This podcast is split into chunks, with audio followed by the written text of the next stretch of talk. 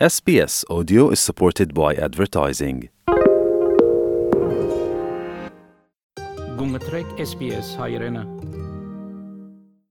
Ողջույն հարգելի ունկնդիրներ, անցաչափաթը Հայաստանում, Արցախում եւ Սփյուռքում Վրաստանի վարչապետ Իրակլի Ղարիբաշվիլին աշխատանքային այցով անցաչափաթ ժամանել է Հայաստանի Հանրապետություն Նիկոլ Փաշինյանի եւ Իրակլի Ղարիբաշվիլիի հանդիպումը տեղի է ունեցել Դիլիջան քաղաքում։ Երկու երկրների կառավարությունների ղեկավարները նշել են, որ բարձրաստիճան ինտենսիվ շփումները վկայում են հայ-վրացական հարաբերությունների դինամիկ զարգացման եւ քաղաքական երկխոսության բարձր մակարդակի մասին։ Զրուցակիցները Մարզիկները քննարկել են Հայաստան-Վրաստան համագործակցության օրակարգային հարցերն ու հերանեկարները, մտքեր են փոխանակվել տարածաշրջանային իրավիճակի եւ զարգացումների շուրջ։ Կողմերը վերահաստատել են բարեկամական կապերը հետևողականորեն խորացնելու պատրաստակամությունը եւ պայմանավորվել շարունակել ակտիվ երկխոսությունը։ Ամերիկայի Միացյալ Նահանգները կշարունակի աշխատանքը Միսկի խմբում Միացյալ Նահանգների պետքարտուղարի եվրոպական եւ եվրասիական հարցերով տեղակալ Քերեն Դոնֆրիդն է ասել տարածաշրջանային այցի շրջանակներում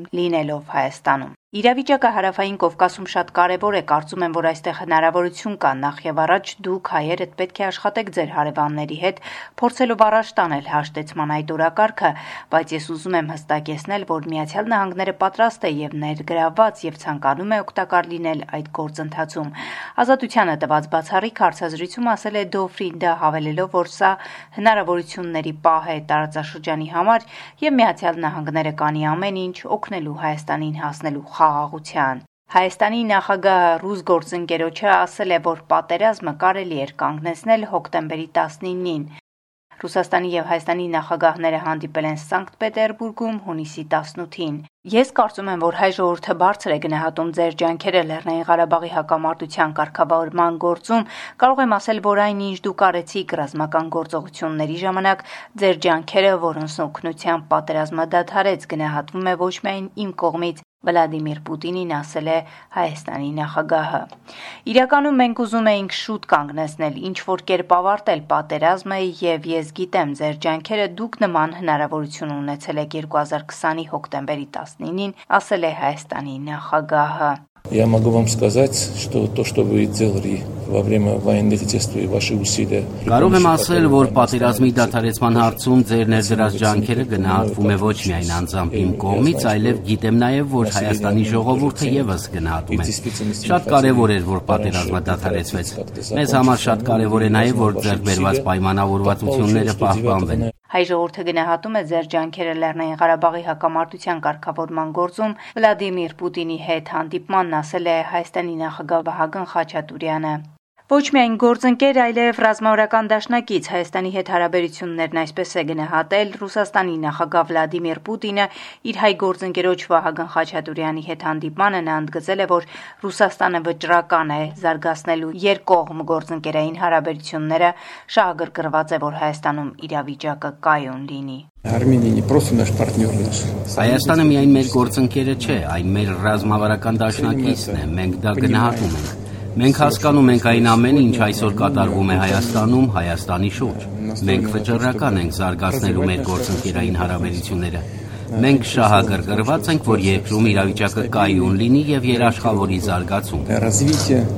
Անցած շաբաթ ընդդիմությունը վրանները Երևանի կենտրոնից հանել է, սակայն Իշխան Սաղաթելյանի խոսքով բողոքի ակցիաները ոչ թե չեն դադարեցվում, այլ ընդլայնվում են։ Ընդդիմադիրները հայտարարում են, որ խափանել են իշխանությունների սցենարը Ղարաբաղի հանձնման ժամանակացույցը։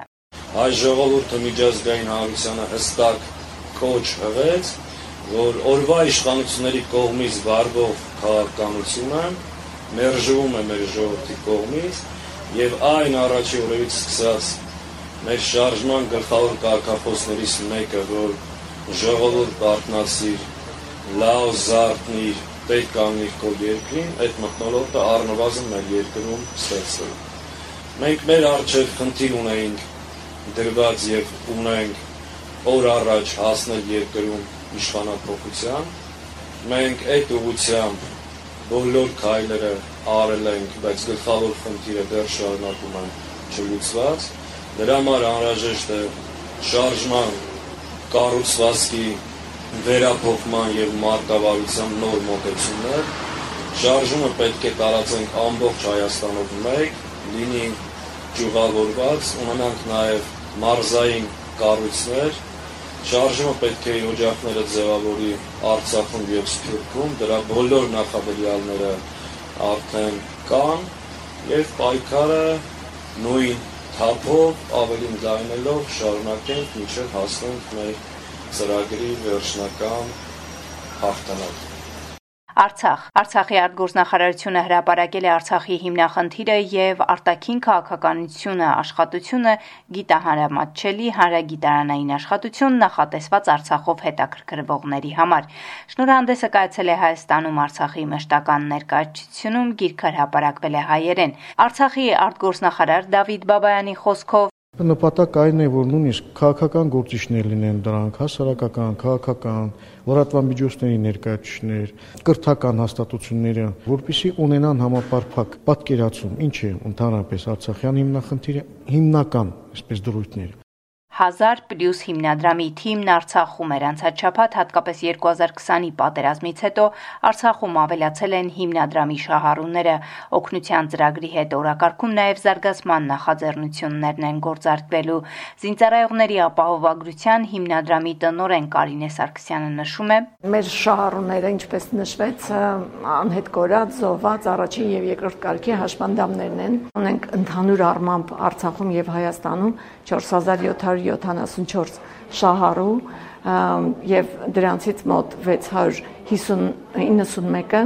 Արցախի հանրապետությունից Տեղեկություններ կան, որ Ադրբեջանը ցանկանում է դիմել ռուսական կողմին, որպիսի դա դիվանքի հայ հոգևորականները փոխարինվեն Բաքվի ռուսական թեմի հոգևորականներով։ Այս մասին News-am-ի հետ զրույցում ասել է Արցախի թեմի առաջնորդ Տեր Վրթանես եպիսկոպոս Աբ รา համյանը։ Այս տեղեկատվությունները կարծում եմ լիովին համահունչ են Ադրբեջանի այսօրվա վարած քաղաքականությանը, իրենք անում են ամեն ինչ, որ իրենց ուզածը կյանքի կոչեն եւ մեր հոգևորականներին հանեն դա դիվանքից։ Բացի այն, որ կհեռացնեն հայ հոգևորականներին, կասեն նաև, որ ռուս խաղաղապահների կարիք այլևս չկա։ Վստահ եմ, որ ռուս ուղափառ եկեղեցին այդ քայլին տեղիք չի տա, ասել է Տեր Վրթանես եպիսկոպոս Աբ รา համյանը։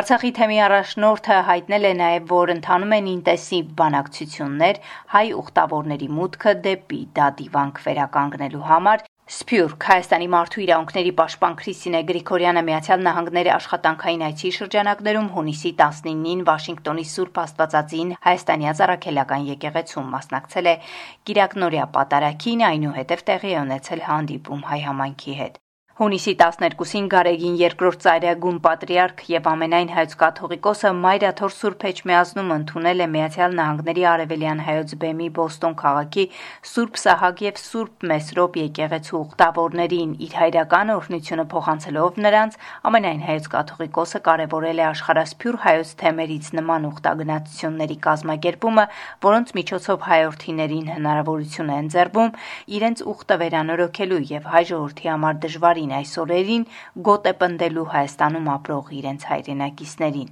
Այս օրերին Հայաստանն ու Վրաստանը նշում են դիվանագիտական հարաբերությունների հաստատման 30-ամյակը։ Թբիլիսիում լույս տեսնող Վրաստան թերթի գլխավոր խմբագիր խորհրդարանի նախկին падգամավոր Վան Բայբուրթի խոսքով երկու երկրները բարձր մակարդակի հարաբերություններ ունեն, դարերից եկող իսկ ռազմավարական գործընկերության մասին փաստաթուղթ չունեն, որովհետև եղբայրը եղբոր հետ ըստ նրա նման համաձայնագիր չի կնքում։ Այս երկու երկրները միշտ եղել են